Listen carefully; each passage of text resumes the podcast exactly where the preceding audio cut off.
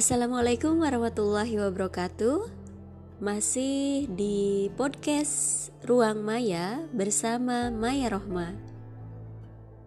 Kali ini di episode Bina Nafsiyah Pengemban Dakwah kita akan berbincang tentang menjadi kekasih Allah. Simak terus ya.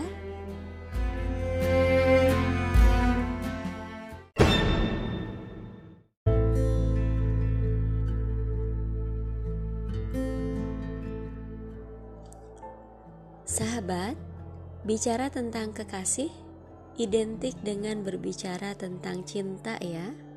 Sesuatu yang dicintai dan dikasihi dimaklumi sebagai kekasih. Nabiullah Ibrahim mendapat julukan Khalilullah atau kekasih Allah. Artinya beliau mendapatkan cinta dan kasih sayangnya. Cinta yang hakiki murni sejati adalah cinta pada Dia, Zat Maha Suci, yang secara realitas telah memberi segala yang kita rasakan sekarang. Cinta hakiki adalah cinta pada Zat yang mencintai kita. Betapa tidak, hanya Dialah yang memberikan segalanya pada kita. Tengok saja segala yang kita miliki, semuanya berasal dari Allah Subhanahu wa Ta'ala. Semua yang kita gunakan adalah miliknya. Lalu, atas dasar kasihnya, dia mengizinkan kita untuk menggunakan semua itu. Hakikatnya, badan, tanah, rumah, kendaraan, kekayaan, jabatan, dan segala hal yang kita gunakan bukanlah milik hakiki kita. Itu adalah milik Allah Subhanahu wa taala yang atas cintanya dibolehkan untuk kita gunakan sehingga menjadi milik dalam tanda kutip ya. Menjadi milik kita di dunia. Bukti konkret bahwa semua itu bukan milik hakiki kita hanya milik sementara saja adalah ketika siapa pun meninggal maka semua itu tidak dibawanya. Badan hancur lebur dimakan bakteri tanah rumah kendaraan dan kekayaan tidak ikut dikubur, semuanya diwariskan. Jabatan juga hanya tinggal sebutan. Satu-satunya jabatan yang melekat adalah mayat. Semua yang kita punya berasal dari Allah Subhanahu wa Ta'ala. Saya percaya kamu pernah berpikir, mengapa kamu dapat membaca uh, sebuah buku, atau mengapa kamu dapat mendengar sebuah podcast, sebab kamu mempunyai energi yang diolah dari makanan beserta indera yang dimiliki. Padahal, proses terbentuknya energi dari makanan itu melalui suatu energi, ya, melalui suatu proses metabolisme yang canggih. Siapakah yang menjadikan proses metabolisme sejak lahir dalam diri kita? Kitakah? Bukan tapi Allah Subhanahu wa taala yang dengan penuh cinta memberikannya kepada kita sejak bayi. Tanpa metabolisme, kita tak berdaya apa-apa. Organ tubuh kita dengan fungsinya masing-masing, kitakah yang membuatnya? Tentu bukan. Allah Subhanahu wa taala menciptakannya untuk kita gunakan. Kita makan nasi, siapa yang membuat padinya? Petani? Kita tentu akan mengatakan, "Bukan, petani hanyalah menanam." Tapi Allah Subhanahu wa Ta'ala memang sengaja menciptakan padi untuk kita makan. Dia telah berjanji memberi rezeki pada setiap makhluknya.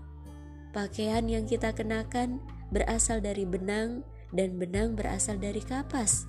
Siapakah yang menjadikan pohon kapas? Bukan siapa pun, melainkan Allah Subhanahu wa Ta'ala. Setiap apa pun yang kita gunakan terang sekali diciptakan Allah Subhanahu wa taala. Tak ada sesuatu apa pun yang kita miliki dan gunakan kecuali berasal dari Allah Zat Maha Sayang. Kita tak punya daya dan upaya tanpa Allah Subhanahu wa taala. La haula wala quwata illa billah. semua itu merupakan wujud sifat kasih sayang Allah Ar-Rahman yang Dia berikan kepada kita. Realitas menunjukkan tidak ada siapa pun yang mencintai kita, memberi segala yang kita punyai dan kita butuhkan selain Allah. Kecintaan Allah nampak begitu nyata.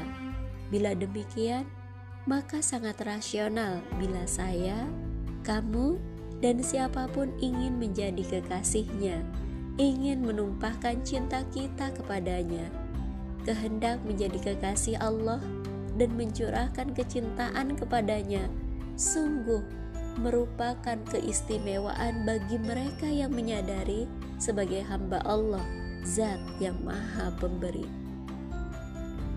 Sahabat, wujud cinta tersebut umumnya teraplikasi setidaknya dalam tiga bentuk.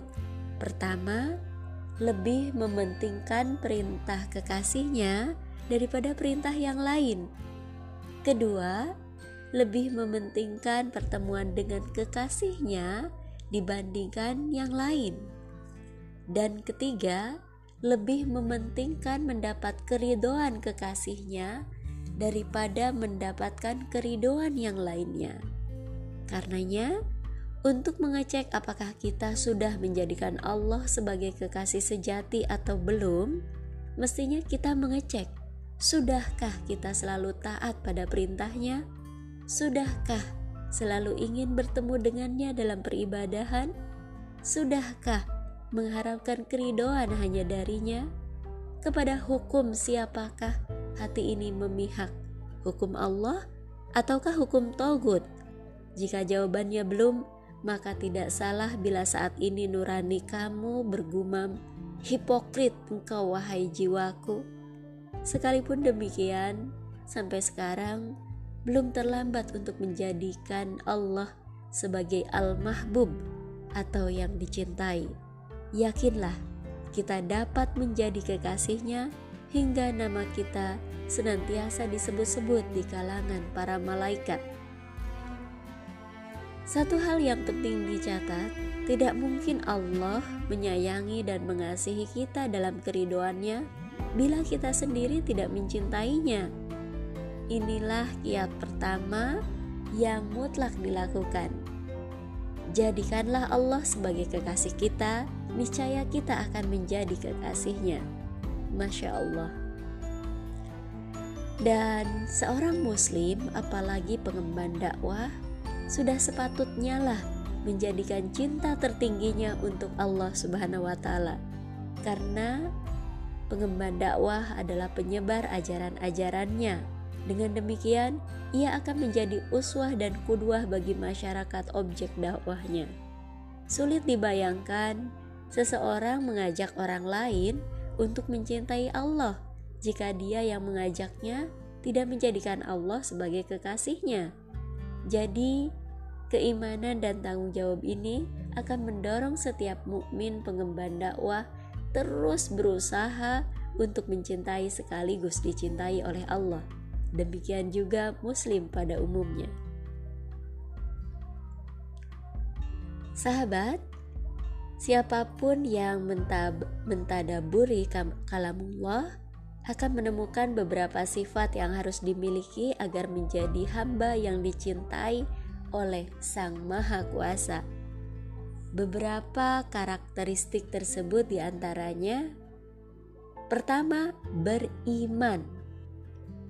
Iya, adanya iman pada seseorang merupakan syarat mutlak bagi hamba yang berhasrat dicintai Allah. Tanpa ini, jangan harap ada cinta darinya. Pada ayat 18 surat Al-Fat yang memberikan gambaran bayi atur ridwan, Allah menjelaskan hal tersebut seorang mukmin, terlebih-lebih para pengemban dakwah betul-betul memiliki keimanan yang mantap disertai dengan pembuktiannya dalam kehidupan sehari-hari. Ia senantiasa bergetar hatinya apabila disebut nama Allah, artinya disebut ayat-ayat Allah sebagai lambang kerinduan kepadanya. Menampakkan keimanan yang lainnya, ia senantiasa khusyuk dalam sholatnya saat melakukan sholat, pikirannya tertuju pada makna bacaan, lidahnya membaca, dan hatinya menghayati apa yang dibacanya itu. Ia dapat khusyuk seperti ini karena betul-betul meyakini akan pertemuannya dengan Allah, dan ia pun yakin bahwa ia akan kembali dan bertemu dengannya. Ya, sahabat, langkah yang kedua untuk menjadi kekasih Allah adalah bertakwa. Allah Subhanahu wa taala berfirman dalam surat Al-Imran ayat 76, "Bukan demikian, sebenarnya siapa yang menepati janji yang dibuatnya dan bertakwa, maka sesungguhnya Allah menyukai orang-orang yang bertakwa." Para ulama mendefinisikan takwa sebagai melaksanakan seluruh perintah Allah dan menjauhi larangannya. Dengan demikian, seorang pengemban dakwah akan senantiasa memaksa dan memacu dirinya untuk terikat dengan seluruh aturan Allah Subhanahu wa taala atau syariat Islam dalam setiap keadaan apa pun sebagaimana sabda Rasulullah Shallallahu Alaihi Wasallam, bertakwalah kepada Allah di di mana pun engkau berada. Hadis riwayat Binzi. Takwa ini sahabat tidak melekat begitu saja pada seseorang. Ia lebih merupakan suatu hasil kerja terus-menerus dengan amal islami. Karenanya, takwa perlu dibina, disuburkan, dan diistiqomahkan kehidupan duniawi laksana seseorang yang mengendarai kuda. Bila lalai mengatur kendalinya, tak tahu kuda lari ke mana dan kita bernasib bagaimana. Yang jelas, kita akan tersesat dalam kondisi sesesat-sesatnya. Dalam hidup di dunia, takwa itulah kendalinya. Yang ketiga, langkah untuk menjadi kekasih Allah adalah berbuat ihsan. Al-Fadil Ibnu Iyad berkata, Sesungguhnya suatu perbuatan apabila benar tetapi tidak ikhlas, maka amal itu tidak diterima. Demikian pula apabila dilakukan dengan ikhlas tetapi tidak benar, maka amal itu pun tidak diterima. Jadi, harus ikhlas dan benar. Ikhlas artinya hanya karena Allah dan benar artinya sesuai dengan sunnah Rasulullah Shallallahu Alaihi Wasallam. Dengan demikian, dengan dua syarat tadi, mudahlah mengukur akal kita, termasuk akal yang ihsan atau baik atau tidak. Berkaitan dengan seruan berbuat baik, Allah Subhanahu wa taala telah menegaskan dalam firman-Nya, "Dan belanjakanlah harta bendamu di jalan Allah, dan janganlah kamu menjatuhkan dirimu sendiri ke dalam kebinasaan, dan berbuat baiklah, karena sesungguhnya Allah Subhanahu wa taala menyukai orang-orang yang berbuat baik. Quran surat Al-Baqarah ayat 195.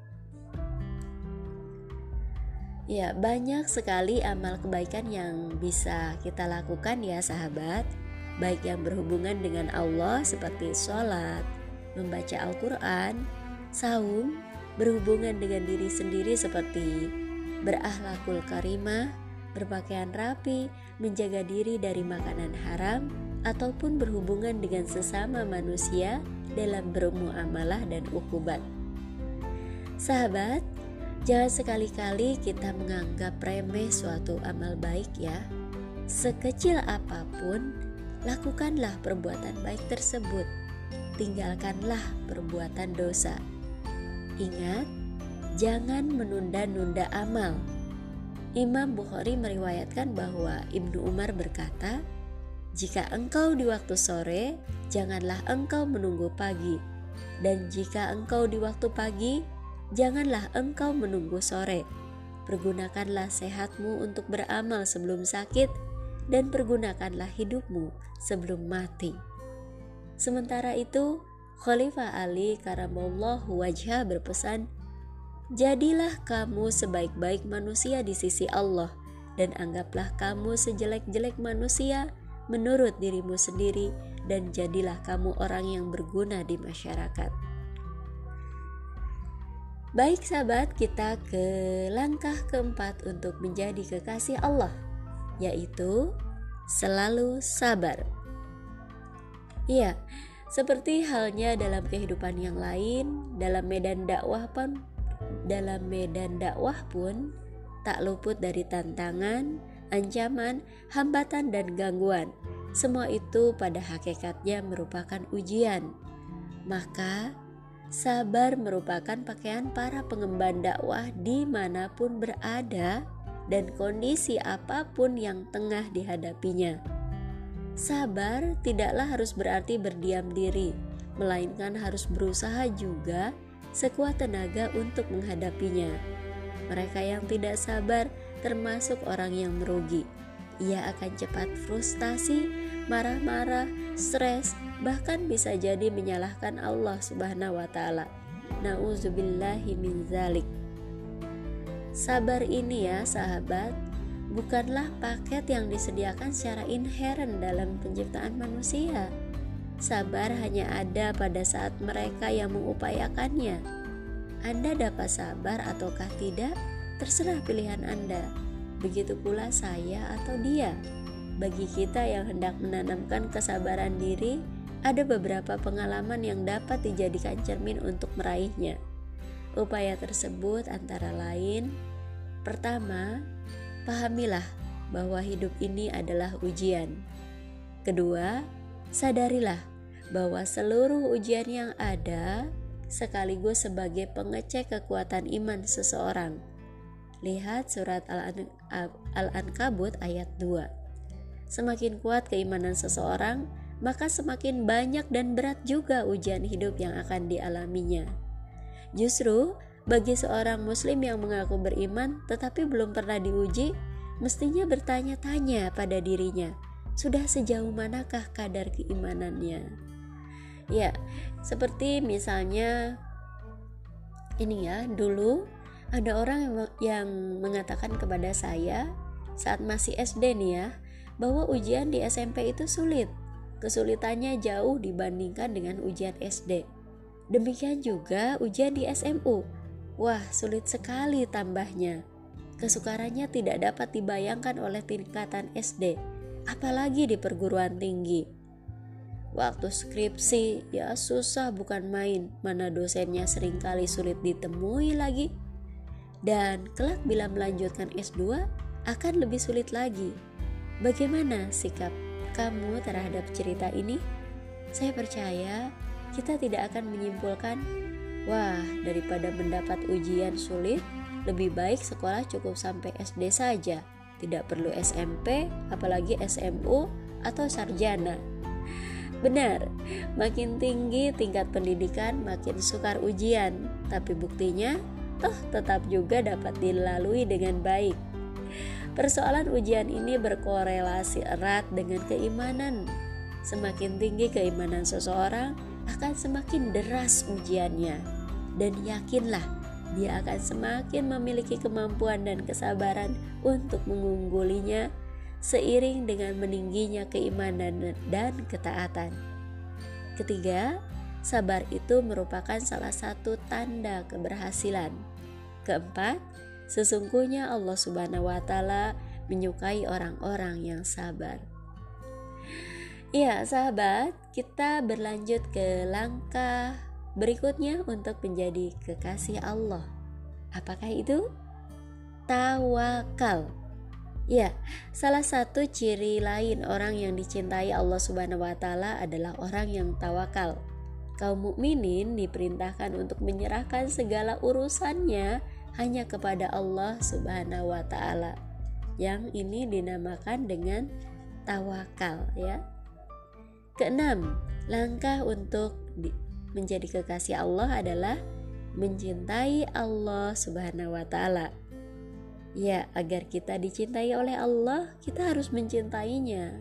Wujud cinta kepada Allah adalah cinta kepada sesama muslim dan keras kepada orang kafir bukan sebaliknya ya sahabat kemudian uh, siap berjihad dan tidak takut terhadap celaan orang yang mencela. Demikian disebutkan dalam surat Al-Maidah ayat 54. Mencintai Allah dilakukan dengan cara mengikuti jejak langkah Rasulullah dalam segala peri kehidupannya. Lembut terhadap sesama muslim dilakukan dengan cara mencintai mereka sebagaimana mencintai diri kita sendiri, tidak menyakitinya, tidak menzoliminya, tidak mengganggu hartanya dan memelihara kehormatannya.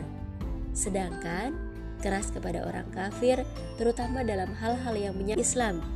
Tidak ada toleransi dalam beragama, yang ada kerukunan antar umat beragama di bawah naungan kehidupan Islam, di mana Islamlah yang berkuasa di bumi ini.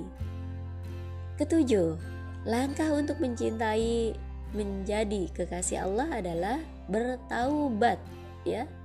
Taubat ini harus menjadi kebiasaan sehari-hari.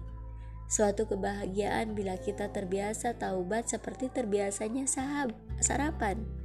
Taubat pun bukan hanya sesaat, melainkan harus dilakukan dengan benar-benar sehingga menjadi taubatan nasuha.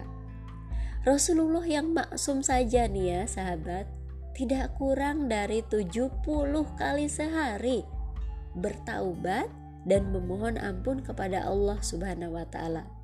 Nah, bagaimana dengan kita yang penuh dosa dan tidak dilindungi dari kesalahan ini? Ya, ini saya dan kamu sama-sama bermuhasabah ya. Jadi sahabat itu saja ya untuk kita renungkan dan kita amalkan ya bagaimana menjadi kekasih Allah Subhanahu wa taala. Demikian Assalamualaikum warahmatullahi wabarakatuh.